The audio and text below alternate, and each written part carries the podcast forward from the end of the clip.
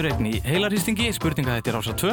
Ég heiti Jóhann Alfreð og er Spirill og með mér í dag er með spurningahöfundur, alvaldur og stigavörður Helgi Rapp Guðmundsson. Hvað segir þú mér í dag?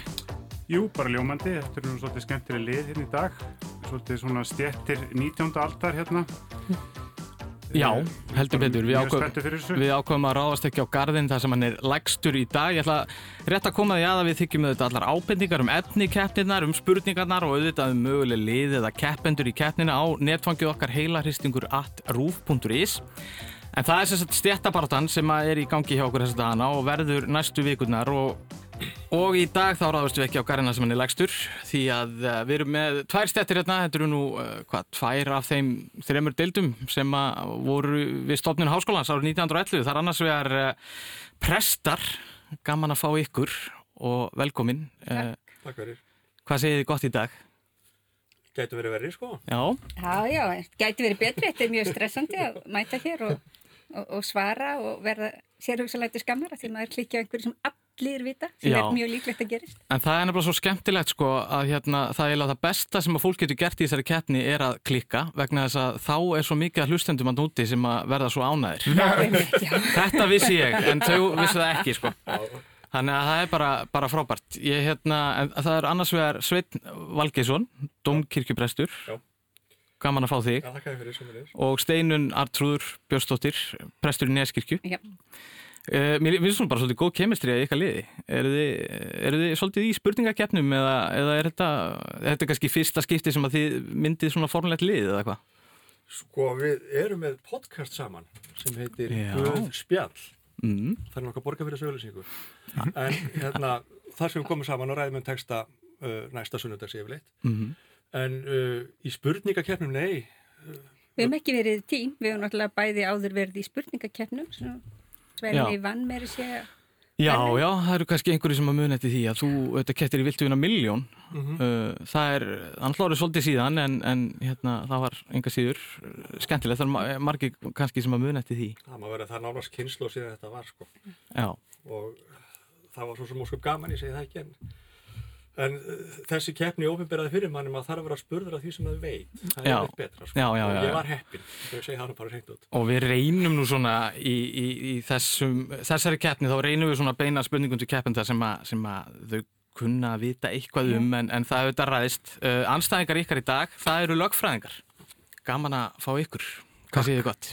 bara ljómandi ég held að, já, okkur líst bara vel á þetta það er svona skemmtilega dýnamík eins og þú segir, svona prestar og, og lögfræðingar hafa nú tekist á í gegnum aldirnar Já, þetta er svona klassísk stjættabárta. já, já, það er bara skemmtilegt Það er ekki hægt að hata presta held ég.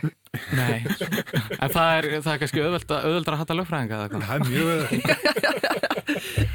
Ég sagði það ekki Þetta er eitthvað með sjálfsmynd lögfræðinga. Ég, fór einu sinni á svona ársattíu lögfræðinga æ, æ. uh, uh, og þar gengur allir brandarannir út á hvað þeir væru leiðinlegir.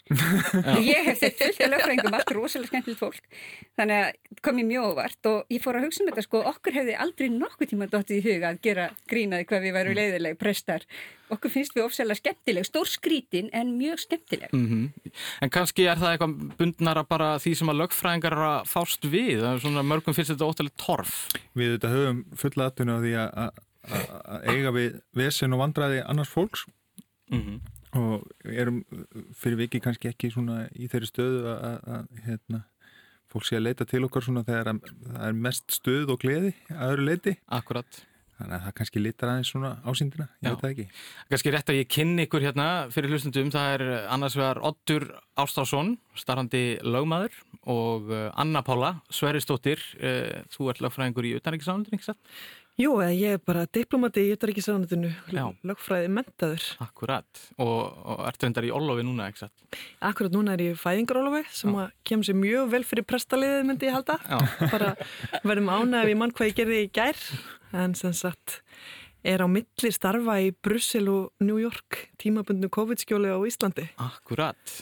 Þetta er spennandi og þið svo sem hérna, þetta er nú ekkit alveg spánýtt fyrir ykkur að taka þátt í spurningakefnum en þið hafi nú bæði komið eitthvað aðeins við, Oddur þú varst nú eitthvað í útsvari, getur betur, þú er svona eitthvað aðeins drefinu við fæti í þetta. Já, ég svona ungvar í gefi njáli, var það ekki? Þannig sem þetta var. Uh, var í þessu, þegar ég var í mentaskóla gett betur, þá vorum við annan og anstæðingar yfirleitt. Ég held að mín versta keppni hafi mögulega verið við ótt. Já, ég ætlaði nú ekki að rifja það upp hér en, en uh, kannski ágætt að það sé þá bara búið og frá en uh, svo, jú, kætti ég einhverjum svona, einhverjum skemmti keppnum þessu utan síðar, en það er orðið svolítið langt síðan ég verið í þessu hlutverki og er mjög stressaður. Já, en sem betur fer þá er þetta nú allt bara á rosalega léttum nótum hjá okkur. Raun og veru, jú, auðvitað skiptir máli hvort liðið sigrar, ég segi það ekki en, en hérna, þetta getur verið svolítið happa-glappa og fer svolítið eftir hvort að liðin séu heppin með valflokkana sína og allt þetta. En við ætlum bara að fara að hefja leikin við byrjum á lagaþrennu og hún virkar þannig að, að, að það er sikkur lagaþrennan borun upp á bæði liðin svarætturinn gengur ekki yfir og við ætlum að byrja á ykkur eh, prestar og við heyrum sér satt bút úr þremur lögum og þið bara segja mér eh, hvaða lög eða verk þetta eru og að þessu sinni þá ætlum við að heyra þemu úr kvikmyndum. Þetta eru sér satt allt þemu úr kvikmyndum og þetta eru sér satt þrjú lög og það eru prestar sem að ríða á væði og við skulum bara setja þetta á stað, gjur svo vel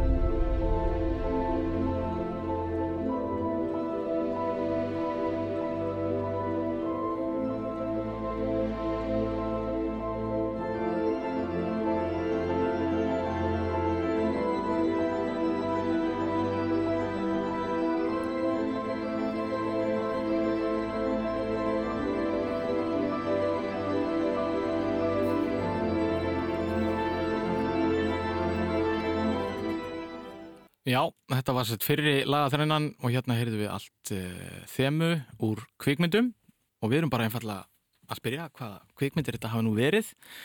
Mér svona sýnist á prestum að að þetta sé svona aðeins upp og niður en, en það er allt í góðu, við getum bara svona þrætt okkur í gegnum þetta. Hvað, hvað segið þið með þetta fyrsta? Var það eitthvað? upp og niður, mér finnst það mest niður bara. Já, þetta fyrsta sko, eins og ég hef sagt oft, ég er kannski ekki mjög góð með nöfn en ég get oft talað í kringum hlutina. Mm Mér fannst þetta hljóma eins og þetta hefði verið sko einhvers konar kvikmyndum eitthvað ítalst þema eða ítalsk mynd bara út frá tónlistinni. Já, allavega eru það á réttum slóðum því að þetta er svona, hún er evrópsk. Hún er evrópsk mynd, sko, þá er hún ítalsk eða frönsk eitthvað, hún er söður evrópsk, Já, já, hún er... Já, þú ert aðeins, nei, þá er hún Þú varst- norður evrópsk. Þú varst eiginlega komin, komin með þetta Já, sko. Ok, Ítalst. í frönsk, frönsk, einhver frönsk kvikmynd, ég vissi það og örgla frá söðu hlutanum, sko. Er þetta, ég hef ekki hort á franska kvikmynd síðan ég horfið á Tvakolor og nú gerða pólskum leikstjóra. Já, þetta er örlítið eftir það. Súkulaði, Mm, eitthvað svo leiði, sko. mér svona heyrist þetta ekki vera, Ég ekki vera að ég koma, hef ekki sko. að láta eitthvað, eitthvað vaða bara. Já, já, Já. Heyrðu, fransk mynd. Er þetta, þetta er ekki Betty Blue? Nei, þetta, þetta var Amelie. Amelie, já. En hvað segið þið með nummið tvö? Það var nú eitthvað. Já, það, það er smá glæta. Þetta var John Williams, held ég, samt Mhm. að þetta ekki. Jú. Uh, og uh, þetta var ægileg kortmynd þegar ég var svona í kringu ferming og ég man að ég fekk að sjá hana í vídeo heim hjá félaga mínum. Já, En það var ekkert, sko, já, það, það var ekkert vel séð að, að börn var að horfa á þetta mikið. Sérstaklega út af þessari, hérna, rúllettu senu, hérna, rússnesku rúllettu, en það ekki. Mm. Ég voni sem er rétt að mynd, er þetta ekki dýrhundir? Jú, Já. það er á rétt. Þannig að það er eitt stig og hvað þið með þetta síðasta? Það er nú nýri mynd. Já, það hljómaði svona meira eins og það væri, svo ég tala nú aftur í kringum það, sko, svona, eh, eitthvað svona futuristic, eitthvað dæmi. Game, já. eitthvað. Þetta er örgli Dolby við á mig. Já, þetta er alveg Þú ert, uh, þú, þú ert góð að sikta þetta, þetta. Já, einmitt, ég er oft góð að tala í kringu Já, hlutin, já, en ég já. veit ekki akkurat kannski. En, nei, þetta verðist ekki vera að koma Ég er ekkert að horfa á Se- Segðu svo bara einhver titil. Ha, Tveir törnar. Nei, það kom ekki, þetta var Interstellar Já, game, ég vissi það. akkurat. Já, svona, Já, já, já, já, já, Þannig það er eitt stík, það er bara ágætt spyrjun og hérna og, og við ætlum nú bara að halda áfram, við förum yfir á lögfræðingana sem að fá bara alveg sambarlega þraut, það eru þrjú þeim og kvikmyndum og, og við skulum bara setja það að stakir svo vel.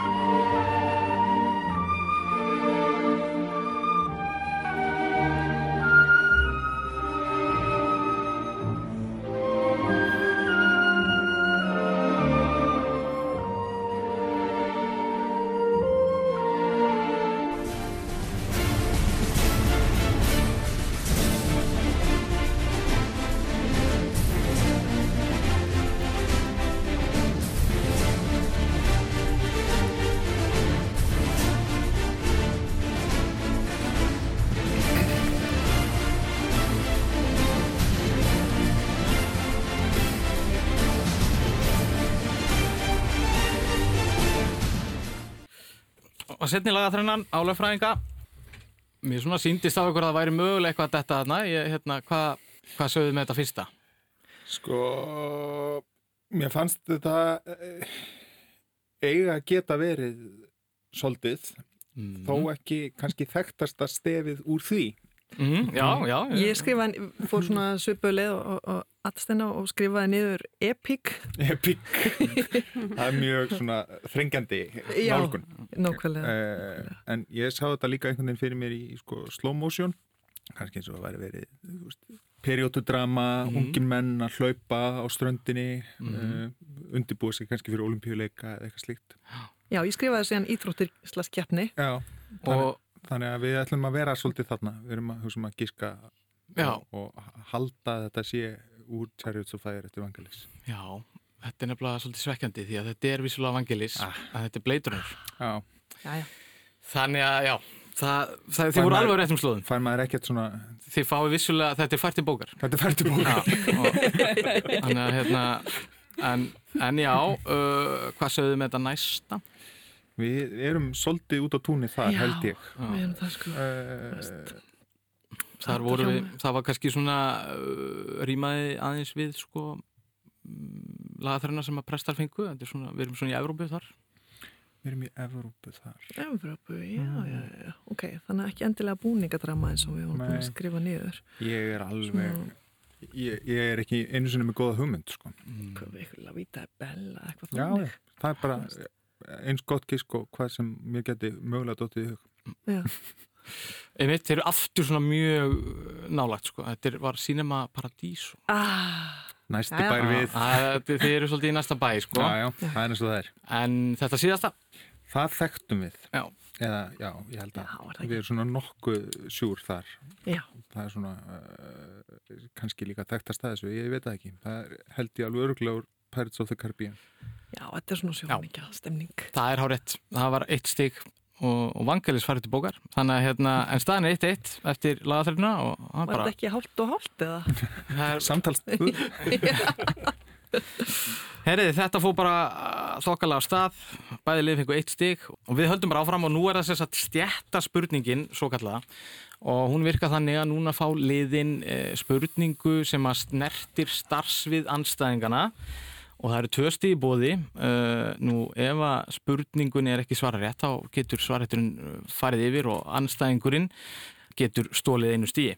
Þetta er þetta á ykkur, prestar, uh, og þetta snertir sér lögfræðingana. Hvaða alþjóðasáttmáli sem margir telja hafa stjórnarskrár ígildi í íslenskum rétti var lögfestur og tók gildi á Íslandi þann 30. mæ 1994? Það lítur að vera mannreittindar sáttmáli. 94, já. Ha. Þannig að það geti verið mannreittindar sáttmáli semnið þjóðana. Já, já. Ég, hérna, svo er til barnasáttmáli, ég held að hann hafi verið lögfastur setna. En nú veit ég hvað stjórnarskrar ígildi því. Nei, nei, sko, Getur ekki lögskringu? Ekki byggja okkur um útskjöða já, nei, Það eru kannski til að gera það eftir til lögfræðingar. bara þegar þátturinn er búinn sko. Ok, Við verum með sérstaka útsendingu um málið. já, stjórn, þetta er ábygglega efni í podcast. stjórnarskrar ígildi. Já, svo hefur við náttúrulega líka samþyktir það ekki mannreittindar Evrópu. E, veit ekki, ég manna þegar ég skoðaði hann á, sviði trúmála, þá fannst mér hann ganga mörguleiti framar en hinn. Herðu, sérstaklega rétturinn trúskipt en ég held samt að þetta sem er saman í þjóðan aðalega vegna þess að hann er oftast nefndur Nú horfaði mjög rannsakandi hérna hún yfir, horfir bara yfir borðið niður sko. og hann Pála sem vinnur ytriksrandur og veit þetta allt saman sko. Sko þetta snýst svolítið um það hvenar var þetta sko, lögfæst hér og ég held sko að því að svo koma stjórnarskrár breytingar er það ekki þarna svipuðum tíma hjá okkur getur ekki verið það sem verður passar. saman í þjóðana hmm. Herði, þið, og þannig að loka svar. það, já það er bara maður saman í þjóðana Já. Því miður, það er ekki rétt, en já, viljið þið klára?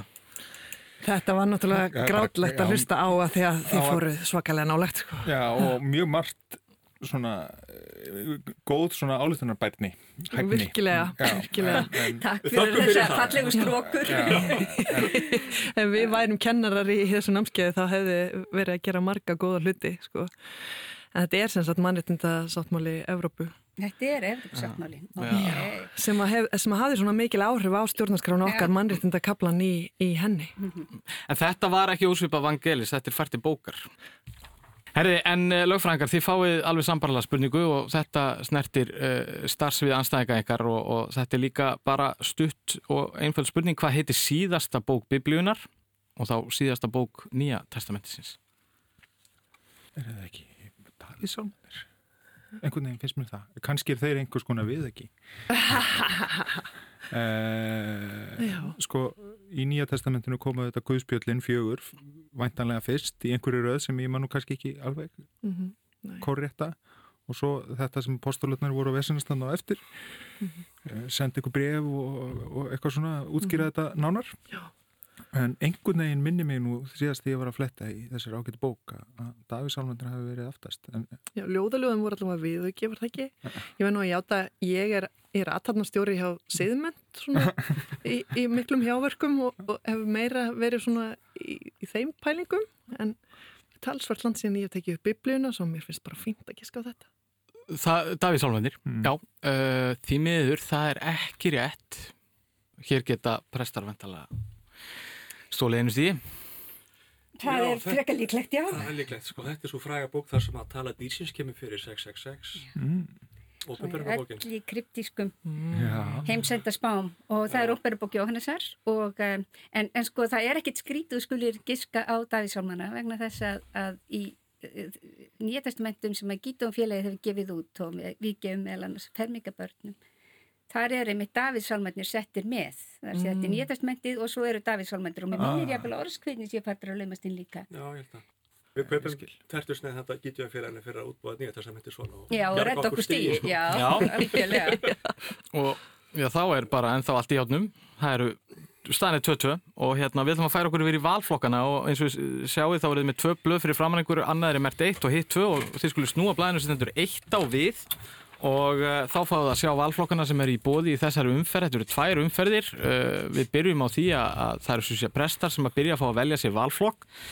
En valflokkanir í þessari fyrir umferð eru íslenskar glæpasögur síðasti og síðasta frægar maðgur í Hollywood og íslenskir fuglar. Og hvað segið þið með þetta? Þetta getur stundu verið svolítið svona eh, ekkert vola skýrt sko. Ég, Ég held að ég er til í fugla, sko, Já, velja? jú, ég, ég, ég er með af því að ég held að þú veitir svolítið um Nei, sko. nei, nei, nei. Ég, ég er hérna lost í þessu öllu saman, þannig að íslenskir fuglar, Já, prestartaka íslenska fugla og við skulum bara byrja á því. Fuglavefurinn er afar fróðlegu vefur sem mentamálastofnun rekur og inniheldur myndir og fróðleik frá helstu sérfræðingum og vel unnurum fugla á Íslandi. Hér er lýsing af vefnum á algengum vaðfugli hér við land. Hann er smáaksinn og fínlegur fugl. Hann er gráleitur á ofan, fremur dökkur á sumurinn en ljósari á vetrum og ljósa neðan. Í sumarbúningi hefur hann breiðan, rauðgulan kraga um hálsin og hvítan blett á kverkinni. Hann flýgur hratt og flöktir mikið. Oftast sést hann á sundi, hann liggur hátt í vatninu, skoppar á vassborinu og ringsnýst um sjálfan sig, dýfir gognum ótt og títt í vatnið og tínir upp skortýr. Og viljum að heyra hljóð?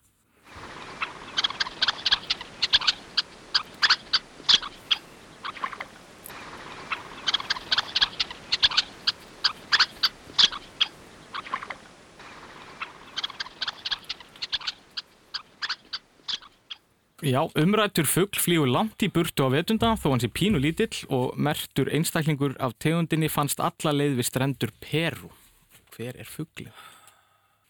Það er um tvo að ræða, sko. Mm. Og nú er spurning hvort þú vilji gefa upp sko báða fugglana sem þú ert að hugsa því að ef að þú klikkar þá náttúrulega getur þú gefið lögfræðingum ágættisvísbendingu sko. Ég veit það. Ég veit það, hérna, Þú verður eiginlega að ákveða þetta því að uh, hann er grár, sagði hann er gráleitur og ofan ljósari á sumrin, sagður þau. Já, hann er gráleitur og ofan fremur dökkur á sumrin en ljósari á vetrum og ljósa neðan. Ok. Ok, þá er, ég ætla að segja þessi óðinsanni. Tvö stig, Yes.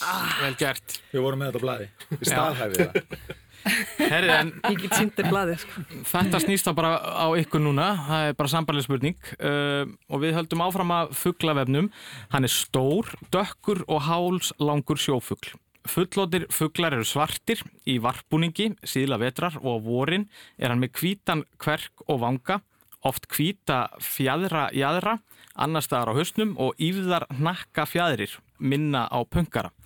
Hann er stærri en skildur ættingi sinn, uh, hann er staðfugl, varpstöðar hans eru nú engöngu í holmum og skerjum við norðanverðan Faxaflóa og Breiðafjörð. Útbreiðslan dróst saman en virðist vera aukast aftur. Hann er nýfærin að verpa aftur á ströndum og varp fannst á Suðaustulandi fyrir stuttu. Og við heyrum hljóð.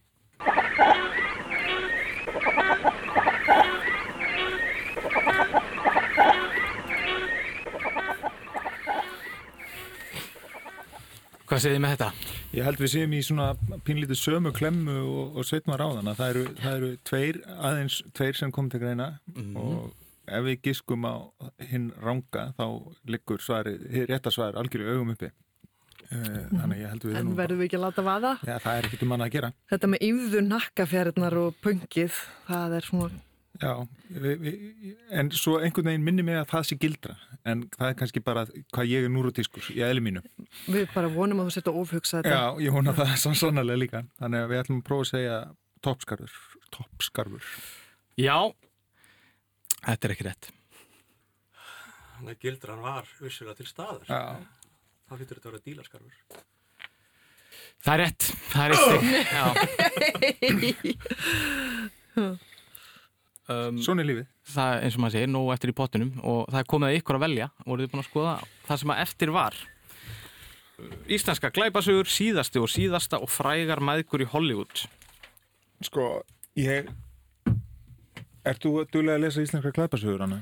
Ég verð nú að játa það að eftir að hafa lesið yfir mig af glæpasögum svona kringum 12-13 ára aldur meðan að aðal höfundarnir á íslensku voru Sidney Sheldon og félagar þá hef ég nefnilega ekki lesið mjög mikið af þessum íslensku glæpasögum Nei. sko. þannig að ég myndi ekki ég myndi ekki endilega byrja þar sko Ég, ég er svolítið svag fyrir því að fara bara til Hollywood og, og hérna, sjá aðeins hvað popnefið gerir fyrir okkur. Já, sko ef að, ef að þú ert í stuði fyrir það, þá er það kannski alltaf leið. Ég, svo sem hefur aldrei verið mikil bliku spurningamanniska, svona ef þú tekur trivjál, en, Nei. en síðasti og síðasta, Það er, það er rosalega opið. Við veitum ekkert hvað hvað er þar undir, þannig að við getum alveg prófað það. Prófum þetta bara. Herði, prófum það. Uh, það eru frægar maðgur í Hollywood og þetta er stuttspurning. Hver er móðir leikonunar Dakota Johnson? Hver er móðir leikonunar Dakota Johnson? Er það ekki hún hérna Melanie Griffith Tvö stig, vel gert. Vá, Hver er Dakota Johnson? Ég veit það ekki og ég veit eiginlega ekki heldur hver Melanie Griffith er en stundum veit ég hluti sem ég veit ekki af hverju ég veit Já, en og náttúrulega Stórkostlegt. Johnson er sem sagt sko auðvitað í, í það er föðunöfnið henni frá honum Dawn Johnson. Já, ég mitt Herriði, þið fáið sambarlega spurningu. Prestar, hver var móðir leikonunar Isabellu Rossellini? Hver var móðir leikonunar? það var Ingrid Bergman. Há rétt, tvö stig. Heyrðu, þetta vissi ég að því ég er svo gömul. Þetta var Nú rétt, kom aldur í sér vel. rétt eftir að talmennina komið. það er svona að vera svartmít ennþá, sko. Uh, og dröðurglega vita þetta líka. Sópa þessum flokki, já, nokkuð gott. Þetta gekk bara mjög vel, þannig að það eru tvö stig á bæði liðin hérna og við ætlum að fara í setni valflokka umfyrirna og nú er það sérst þið, Oddur og Anna sem að fá að velja fyrst. Og ef að þið snúið við blæðinu sem ertir tvö Já, þá sjáum við valflokkana í setni umfyrinni það er annars vegar áfangar það eru kvenn leðtúar það eru rússar í geimnum eða teiknimyndasögur. Áfangar rússar í geimnum kvenn leðtúar eða teiknimyndasögur. Það er kannski rétt að geta þess að staðan er núna 7-4 prestum í vil. akkurat. Og varðandi Dakota Johnson, fólk hefur greinlega ekki séð 50 Shades of Grey myndinar. Nei, nei, ekki að þá Eigum það inni. Ég, Já, má ég frekjast, Anna? Já, já. Já, já, Það, það er bara góðlega, það gekk svo vel á hann. ok. Mér langar að velja áfanga. Já, það eru áfangar. Er það Jón Helgarsson? Það kemur ljós. Herriði, við skulum bara heyra smá brot. Áfangar. Líðið er hátt á aðra öld. En mun þó reymt á kýli Þar sem í snjónum bræðra beið beisklegur aldur tíli Skuggar liftast og líðum hjarn líkt eins og mynd á þýli Já, hérna heyrðum við skald lesa hið magn þrunga ljóðsitt áfanga sem byrtist fyrst á prenti árið 1948. Hvert er skaldið? Jón Helgarsson Þú hefði vitað, Kortið. Þú hefði vitað. Það er árið tvö Ég get stig. lofað þér, ég get lofað þér að við hefum komið með það. Ég- Það er engar ágjör þessu Uh, Þið fáið sambarlega spurningu prestar á listaháttíð Reykjavíkur. 1990 var sett upp umhverfisverk eftir einn heimstækta bandaríska listamann Richard Serra sem ber heitið Áfangar og stendur enn þar sem það var reist. Verkið er samsett úr átján dröngum úr Stuðlabergi og mynda ring um staðinn sem var valinn fyrir það. En hvar í Reykjavík er þetta verk? Hvar er verkið Áfangar eftir Richard Serra? umhverfisverk og stendur ennþá það sem það var reist samsettur átjám dröngum úr Stuðlabergi og mynda hringum staðinn sem var valin fyrir það. þetta er ekki sambærilegt. Þetta er ekki sambærilegt, nei. Heyrðu, Alveg. Átján drangur og Stuðlabergi, hvernig getum við ekki vita hvar það er í Reykjavík? Þeir ljóta að vera voðalega litlir. Er svona bara pínu lítið er Stuðlaberg. þetta smádrangar? Það lítur bara að vera á einhverju túni og bara segja sjá klambratúni. Ég maður samt ekkert eftir þessu. Nei, veitu, klambratúni, ég ferði stundum þangað með hundin, ég man ekkert eftir Nei, ekki heldur. stórt landsvæði kringur. Er þetta, er þetta eitthvað svona Stonehenge wannabe einhvers staðar? Já, þú veist, það er náttúrulega viðei og, en þar er annað listaverk. Mm. E, og svo Geldingarnes, þar man ég ekki eftir neinu listaverki. Talandi um eitthvað í kring. Ætli sé ekki við þeir. Ég segja það, ég man ekkert eftir þessu nefnilega þannig að Mm. segjum það bara, það geti. Já, þið segir við þeir. Já, pröfum það. Já. Það er bara mjög gott gisk því að það er rétt. Snillingur ertu? Þannig að Þetta var líka á blaði hjá okkur. Við höldum bara áfram á það að komið að ykkur prestar að velja þá sittni valflokkin og það sem eftir eru rússar í geimnum, teiknumyndasugur og kvennliðtvar.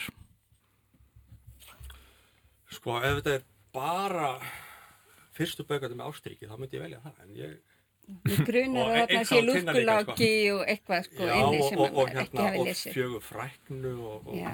og, og hérna, og manga og eitthvað svona. Þetta væri spurning um Ástrík á latínu, þá væri með þetta. En ekki Já, já. annað held ég. Nei, Nares Fasseris. þessi- Er ekki settur hvern sem að- leiðtór það einu sem við eigum sjensi hérna? Hvað heldur þau? Já, En ef þeir spyrja kannski um vitísi. Þetta, já það veit það. hérna, þú ræður, ég, hérna, ég, ég er svolítið blankur í hvern leitum með það er allt í leið. Ég, ég er alveg blöngir úsum í geimnum, Ég, sko. það er ég líka. Uh, og teiknumyndasögur erum við búin að samþykja við sjóum og gömul fyrir Þannig að við skulum taka kvenleitóa. Herri, í hvaða landi var kona fyrst fórsættisráþara árið 1960? Í hvaða landi var kona fyrst fórsættisráþara árið 1960? Var ekki einn blöndi? Eða var það Golda Meir í Ísrael? Já, er hún ekki næri tíma? Hún er eldri. Hún er eldri, sko. 60. Ég held það. Já. Golda Meir, Ísrael. Það er ekki rétt. Og þá geta lögfræðingar stólið einu stíð. Já, einhvern veginn minni mig sko, þetta er einhver svona eldgamalt hérna, um liggur undir mörgum lögum af alls konar vittlisu í höfðun á mér að þetta sé Sri Lanka Vel gert, eitt stygg, Sri Lanka. Þetta var hún Siri Mavo Bandaranaike. Ég vona Hva, að ég Hvað hafi heitir rétt hún þetta. Já, Siri Mavo Bandaranaike Já. og við vonum að, að þetta... Hann var að fara að segja það. Uh, Svo kannski getur við þess að Golda Meir var vissulega fósittisráþra ansið snemma, en það var árið 1969, þannig að það var nýja ári síðar, en það er náttúrulega mjög gott gisk samt. Já, já, þið voru alveg á réttum slóðum en því miður það detta ekki en lögfræðingar þeir uh, bættu réttu hlutin hérna aðeins og, og geta núna tekið tvö stig og spurningin er Vigdís Fimboðadóttir var fyrst kvenna til að vera líðræðislega kjörinn fórseti árið 1980 en í hvaða landi varð kona fyrst fórseti í raun sex árum áður? Það ekki Jú. einhvern veginn minni mig að þetta sé svona sko. Það var svona, það lá í spurningunni að viðkomandi hafa ekki verið kjörinn. mm -hmm.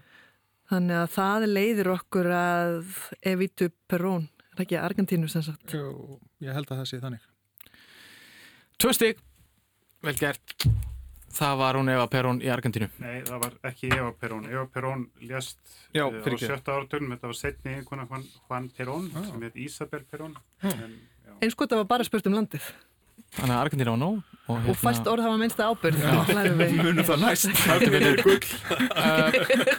Munum það næst. Svörum bara því sem þarf að svara. Já, Við ætlum að fara að bera upp þessi heilabrott á að við förum í auglýsingar sem þið getur hugsað eins og meðan við förum í auglýsingarnar en við ætlum kannski að skoða einn stöðuna. Ég held að það sé allt í játnum, getur það ekki verið? Jú, það er nýfjant, níu, níu. Þetta er mjög spennandi og nú er sérst borið upp heilabrott svo kallað sem að þið með hugsa í auglýsingarlénu það eru tvö stíð í bóði og bæði liðin svara bara sama heilabrotti og áður en að við förum í auglýsingar þá ætlum ég að bera þetta upp. Hvaða orð saminar þetta allt? Isti oddur á nesi nokkru á Íslandi letur og gjöf frá frægum myndtökvara. Isti oddur á nesi nokkru á Íslandi letur og gjöf frá frægum myndtökvara og við förum í auglýsingar og heyrumst aftur eftir örskamastund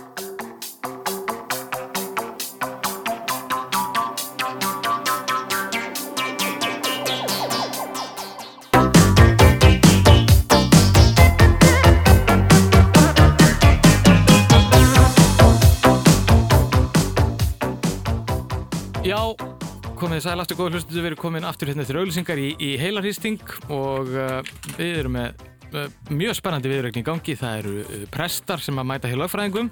Við vorum í heilabróti uh, en við fórum í auglýsingarnar, við vildum fá að vita hvað orð samin að þetta allt, isti ottur á nesin okkur á Íslandi, letur og gjöf frá frægum myndtökvara.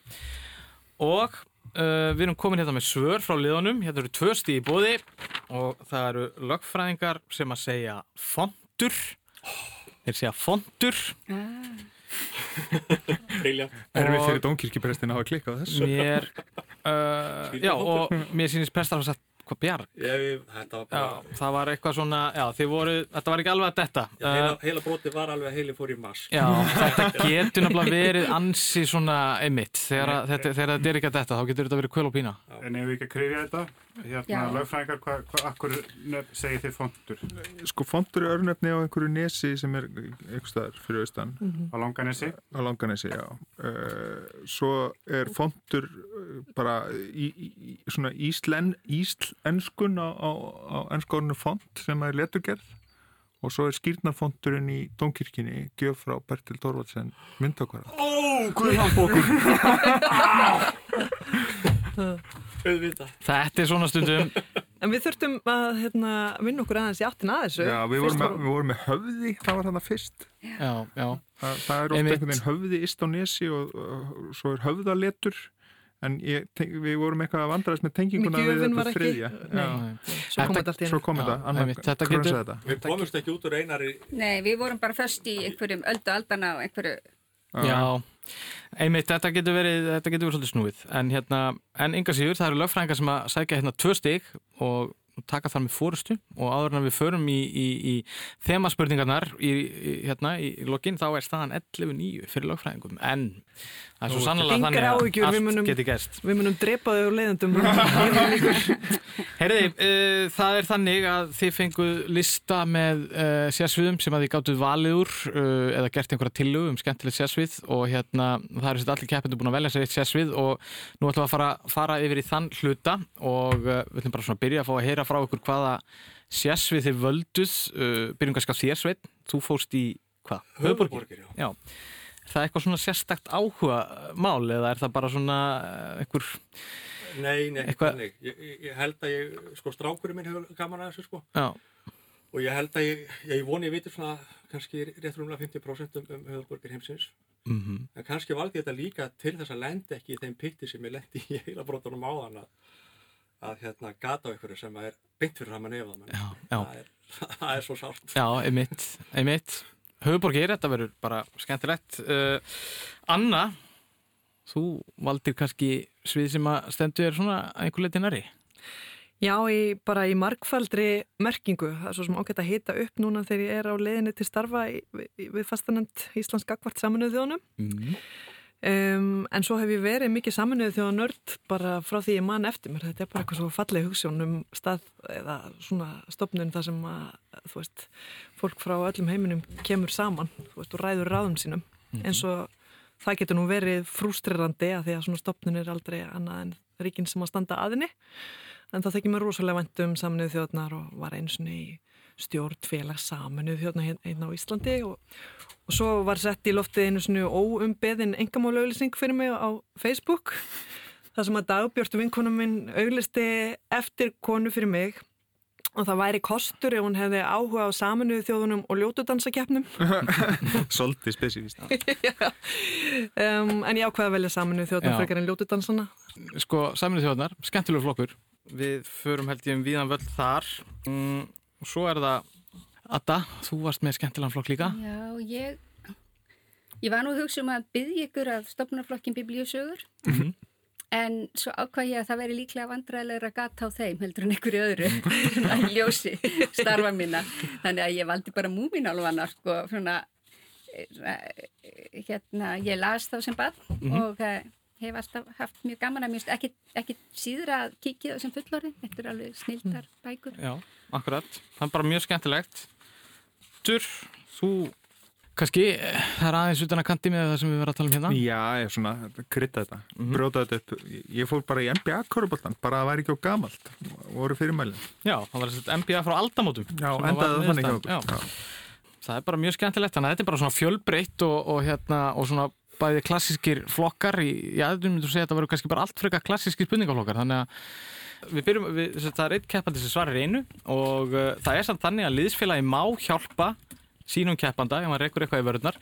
Nú, uh, fyrstu spurningarnar það munum gefa eitt stig, svo kemur spurning sem gefur tvö stig og í lokin er það spurning sem að gefur þrjú stig sem að svona talin þingst. Og við ætlum bara að byrja og það er Sveinn sem að fær fyrstu spurningu. Skópje er höfuborg hvaða lands í Európu? Skópje er höfuborg hvaða lands í Európu? Já, er það ekki Nei Skopje er í Makedóníu Það er rétt, það er eitt stig. Heitir hún ekki Norður Makedónia? Það heitir Norður núna en, en við ætlum ekki að fara að fella á svoleiðis tækni atriðum. Uh, uh, þá fyrir við í saminuð þjóðnar fyrir eitt stig annan póla Alþjóða heilbriðistofnunin skamstafað 2.HO hefur verið í eldlínu undafarin misseri í heimsfaraldri koronavirunar. Eþjópiumadurinn Tedros Adhanom leiðir stofnunina en við spyrjum einfalla hvar eru höfustöðar hennar? Hún er, er hún ekki, já, hún er ekki Genf, það er eitt stig, það er rétt og þá fyrir við í Múmin álana Adda hann er af ættflokki mikilla reglu sinna og bókstafstrúar manna. Margir af kyni hans sinna yfirvaldstörfum eins og í lögreglu eða fangavörslu. Þeir eru langir og mjóir og klættir í kirtla eða hálgerða kjóla. Sá sem við þekkjum best er fyrst og fremst rannsakandi og sapnari og á forláta stækkunaglir. Hann er raun með söpnunar áratu. Hann laðist eitt sinn í mikið þunglindi þegar hann hafi sapnað öllum frímerkjum heimsins. Um hvernig rætt? Það er verið að tala um heimúlinn. Það er bara hárétt, það er Emúlin og þetta byrja bara vel að sjálfsögðu, það eru allir með, með eitt stig hérna og þá er það Oddur. Hvaða NBA leikmaður sem þá var að mála hjá Los Angeles Lakers breytti nafni sínu í Meta World Peace árið 2011 Það er hérna leikmaðurinn sem er áður þekktur sem Ron Artest. Það er hárétt, eitt stig. Og uh, Þetta kom allt saman í fyrstu umferðinu, við höldum bara áfram, það er önnur umferð. Má ég spurja, er, er eitthvað svona steli mekki í Nei, þessu Það þemadóti? er bara ekkert steli, Æ, en ok. eins og ég segi, liðsfélaga meg að hjálpast að. Aha. En, Ég mun mikið geta lagt að mörgum í þetta NBA. Ég var nefnilega svolítið að hugsa, sko, það væri svolítið gott að vera með það því að það væri svona illstelanlegt svona Já. í þessu krati, sko. einmitt. En það var vond taktík, sem sagt. Já, það var eiginlega, það var bara klúðustektik. Já, já, en ok, gott samt sem áður, þetta er skemmtilegu flokkur og við höfum gaman að því að fræðast um þetta. Þannig að þetta, og ég efast ekki um að Anna komi með eitthvað, sko. Uh, herði, Ég- Já, ok, sjáum til. við höldum áfram höfuborgunum. Sveit, nokkur dæmi eru í veröldinni um að ríki hafi byggt glænýjar höfuborgir frá grunni. Brasilíumenn reistu Brasilíuborg á sjötta áratugnum og Pakistanar vigðu árið 1969 höfuborg í Islamabad. Hinn 12. desember 1991 vigði Afríkuríki 1 nýja höfuborg í miðju landsins. Hún fekk nafnið Abuja og fólksfjölgun þar á síðustu árum er ein hinn hinn mesta í heiminum. En í hvaða landi er hún? Í hvaða landi er Abuja höfuborg? Níkaríu. Eitt stig. Vel gert. Uh, og saminuðu þjóðnar. Og hérna ætlum við að heyra smá brot, Anna Pála, gjör svo vel. Uh, it is a cold country, though. Well, sometimes. Are, are the nights very long? Yes, they can be quite long. Well, is it uh, someplace like Iceland? Yes. Are you the ambassador from Iceland? Yes! Já, þetta fannst okkur mjög skemmtilegt. Þetta var þess þáverandi sendiherra Íslands í Bandaríkjónum sem var þáttakandi í spurningaþættinum What's My Line á CBS sjónvastöðinni í november árið 1955. Þetta var sett svona hverju maðurinn þraut en sendiherran gengdi líka stöðu fastafutur á Íslands við fastanemt saminuðu þjóðana. Og við spyrjum bara nákvæmlega eins og í þættinum, hverju maðurinn? Er þetta ekki bara Tór Tórs? Jú, jú, þetta er Tór Tórs. Það er eitt stig. Þetta var Til mjög... fróðulegs þá starfar hérna sonur hans núna svolítið með fastanöndinni. Já, En þá, gagvart saminuð þjóðunum. Einmitt. Og Tóri er náttúrulega fyrsti sendi herran sem var með fyrirsvar fyrir samlið þjóðun, eða ekki? Jú, Já. jú, sem að Tórs samarinni kendum við. svokallaði. Herriði, þetta kom, þá fyrir við múmináluna á tíunda áratugnum voru teiknimyndir teiknimyndaþættir, byggðir á múminálabókunum gríðar vinsælir hér á landi og voru síndir í ríkisjónvöppinu. Við skulum heyra smá brott. Sástu snorkstelpuna fara hér hjá? Nei, bara rísastónan snjóbolta. Já, það var einmitt snorkstelpan. Snorkstelpan, ekki hún úr snjó. En þessi þættir, þeir voru ekki framleitir í Finnlandi eins og kannski æ- ætla mætti. Þeir voru gerðir í fjarlægu landi sem þekktir fyrir mikla hefði gerð teiknimynda. Hvaðan voru þættirnir um múmináluna? Sko, ég náttúrulega skráði mig ekki inn sem sérfræðing í ekki í múminálunum, sko. Já, þetta getur að tekið á svo óvænta myndir. Já, ég er aldrei óhræst með þetta. Það hafa verið gerðin mjög margir þættir ef við tölum um fjarlægt land, sko. Mm. Ég nefnilega sá þess að þættir ekki. Ég hef alltaf sem múminálfa aðdáðandi fyrirlitið allt svona eins og einföldu bækunar múminálfana sem eru ekki eftir Túvi Jansen Já. og alla þessar sjónvarsþætti. Þannig mér vist sko, ég, það er eina sem ég sætti mig við sem ekki er beinlinis bók eftir Túvi Jansson er, eru bóllarnir. Mér finnst þeir praktískir og góðir og stórir. Mm. En ég giska á þetta að hafa verið í Japan. Já, það er líka bara hár rétt sko. Þannig að hérna, við þurfum ekki að hafa ágjörð af því. Þetta kom sko. Það er Japan, þannig að þú horfir ekki mikið á þættina. Ekki neinasta. Nei, þetta er allavega eftirminnileg þættir, maður mann eftir þessu sem, sem bat sko. Þetta er svona okkar, okkar árum Endilega ítrykkið að ég sé ég finnst það mjög gaman. á þessum árum voru kannski ekki mjög margi leikarar sem sá um talsetningu þátta og í þessum þáttum voru bara tveir leikarar það var annars vegar Kristján Franklin Magnús Og, hins vegar Sigrun Netta Björnsdóttir sem Sáu bara um allt. er samt ekki eins og hérna talsendingun á Tinna það sem Egert Þorleifsson talaði allar rattinnar já, hann þurfti að beða sér ímislutverk þar Já, og landi í struppunum. Já, hann var allir strumpanir Herri, það er NBA aftur. Uh, Oddur Luka Doncic er einn skærasta stjarnar NBA-deildarinnar um þessa mundir. Hann leikur með Dallas Mavericks og var nýlið ásins tímabilið 2018-19 í deildinni.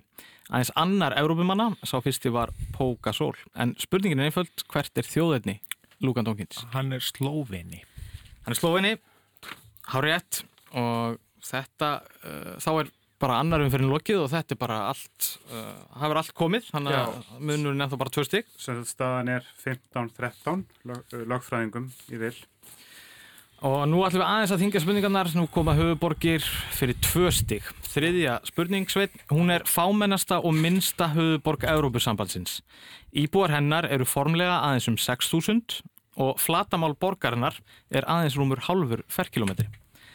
Borgarsvæðið er þó fjölmennt meðan við borgina sjálfa, alls búa um 400.000 manns á því. En þessi höfuborg var stopnuð á 16. öld og heitir eftir stopnanda sínum en hann var rittari úr röðum Jóhannesa rittara. Árið 1565 náðu þessi rittararegla að rekja 30.000 hermenn Tyrkjaveldis á brott eftir langt og strangt umsátur um borgina sem við spyrjum um og eiguna sem hún stendur á. Hver er höfuborgin? Sko, ef við erum að tala um, hérna, riddarana, sko, fyrst held ég að vera Vatikanið, en það náttúrulega gengur ekki, sko. Ekki út af, hérna, þetta er valletta á mörtu. Þetta er valetta á möldu, tvö stig. Nei, já, tvö stig. Vel gert.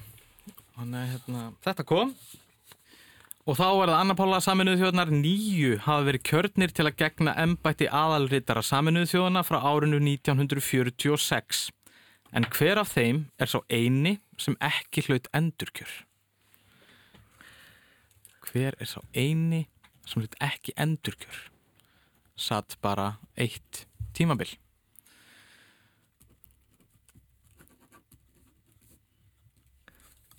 Ég veit ekki, ég ætla ekki að fara Já, nei, þetta var ekki hann sko hérna, ok. við erum aðeins að skrifast á hérna um þetta mál Smá Skeitasendingar. Það skeitasendingar og Getið ekki raun alveg tala um þetta mál Jú, sem við jú, munum það ekki er stela reyndar- svarinu. það er það það tryggt sem við tala alveg, alveg óhundrað sko. svona í framhjálaupi þá hlökkum við til þess að sjá konu í þessum stól Já, en sko, hérna Kurt Waldheim er svona klártmál sá sem á að segja að sé svona umdildasti aðlitari saminu þjóna sérstaklega eftir á þegar að fóru að, fóru að komast að kreik sögur um, um hans mögulega liðsynni við nazista á sínum tíma um, og svo hérna svo man ég að um, Pérez de Cuellar frá Peru, mér finnst eins og hann hafi komið inn þegar að gekk illa að, að gera upp á milli sagt kandidata. Það gæti hafa verið á eftir Kurt. Óttu skrifur hérna niður að Dag Hammarskjöld hafa verið myrtur. Ég held samt að hann, já ég held að þetta sé frekar Kurt Waldheim nei, þetta var ekki Kurt Waldheim, þetta var Búdrós Búdrós Gali sem að satt bara eitt tímabil og, og hérna, og svo voru ykkur í pólitískir flokkadrættir og, og hérna fekk ekki endurkjör. Já, mögulega var þessi saga sem ég saði í kringum það rétt en bara allt yfir ánga mann Já. Kann að vera Herri, þetta kom ekki og þá höldum við áfram með múminálana. Hún er sýstir Míulitlu og hinna sískinuna sem eru 34 talsins. Hún heitir í raun sama nafni og móðir þeirra allra. En hún er miklu róleri en Míulitla. Hún verður sífælt ástfangin og dreymir dagdrauma um lauruglumenn sérstaklega. Hún er með langa fætur og klæðist rauðum stígvelum. Hvað heitir hún? Þetta lítur að vera mýmla. Mimla er rétt. Tvö stygg.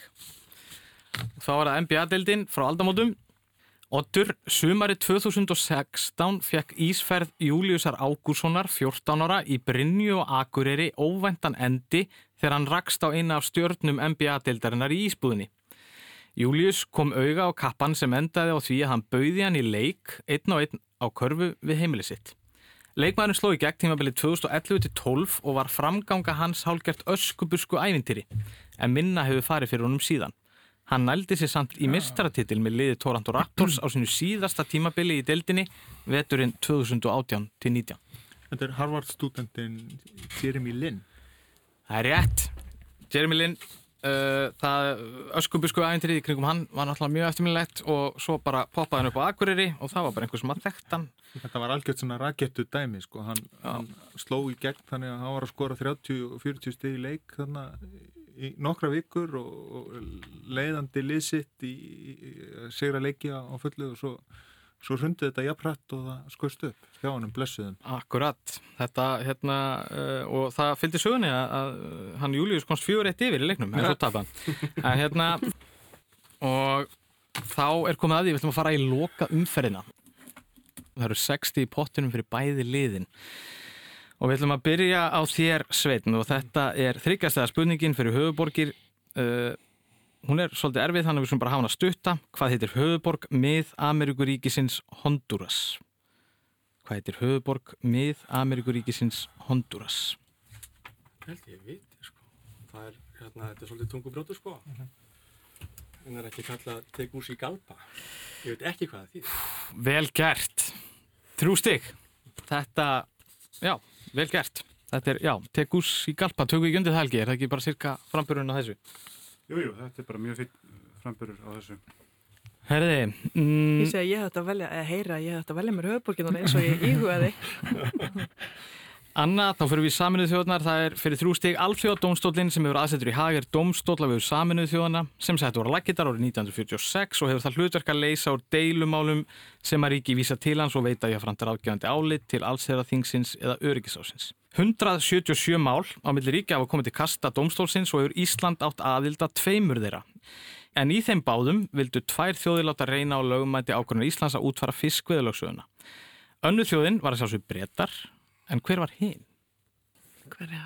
Það er engin pressa sko. Nei, nei, nei, nei, alls ekki.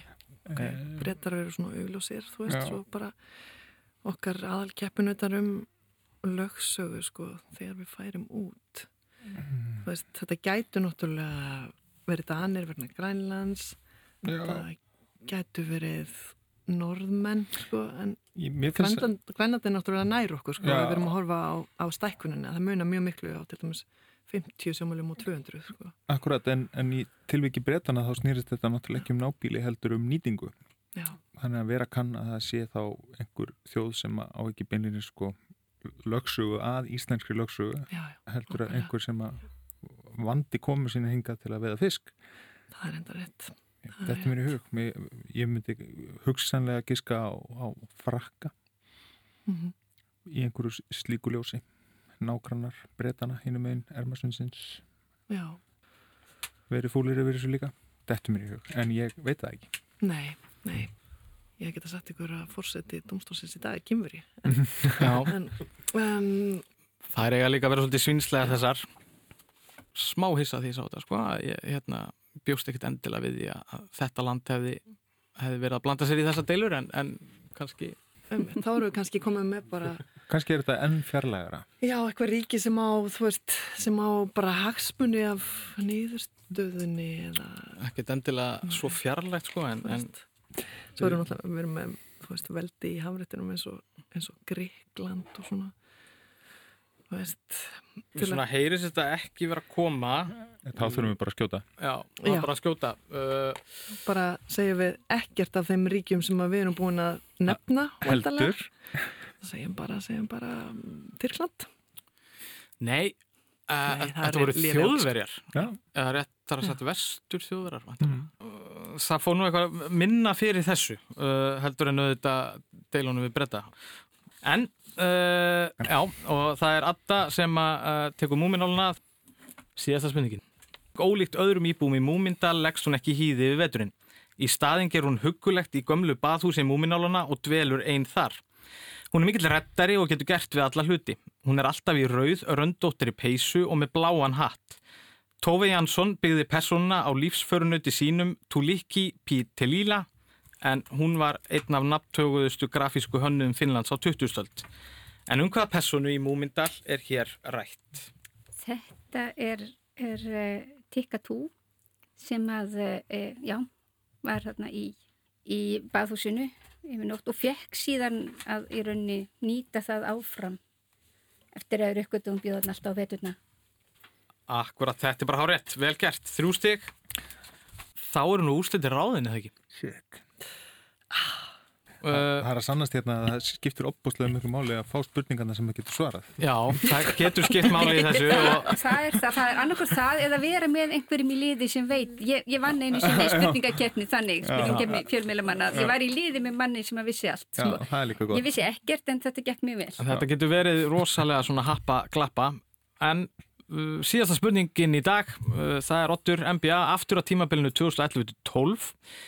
Það tímabil náði lið í deildinni því vafasama, vafasama meti að vera með slakasta árangur í sögu deildarinnar. Liði var einingis með 10,6% sigur hlutfall, vann sjö leiki en tapaði 59. En deildin var stitt þennan veturinn vegna verkfalls. Liðið vann engan af 23 síðustu lengur sínum á tímabilinu. Hvaða lið var svona liðlegt veturinn 2011-12 og er með slakasta sigur hlutfall í sögu NBA-deildarinnar? Vá, ég er nú kannski ekki með þetta, en það kemur ljós. Þetta hefur verið eitthvað alveg hrikalegt. Já, þetta er, þetta er tímabilið sem var stýtt vegna verkfallsleikmanna.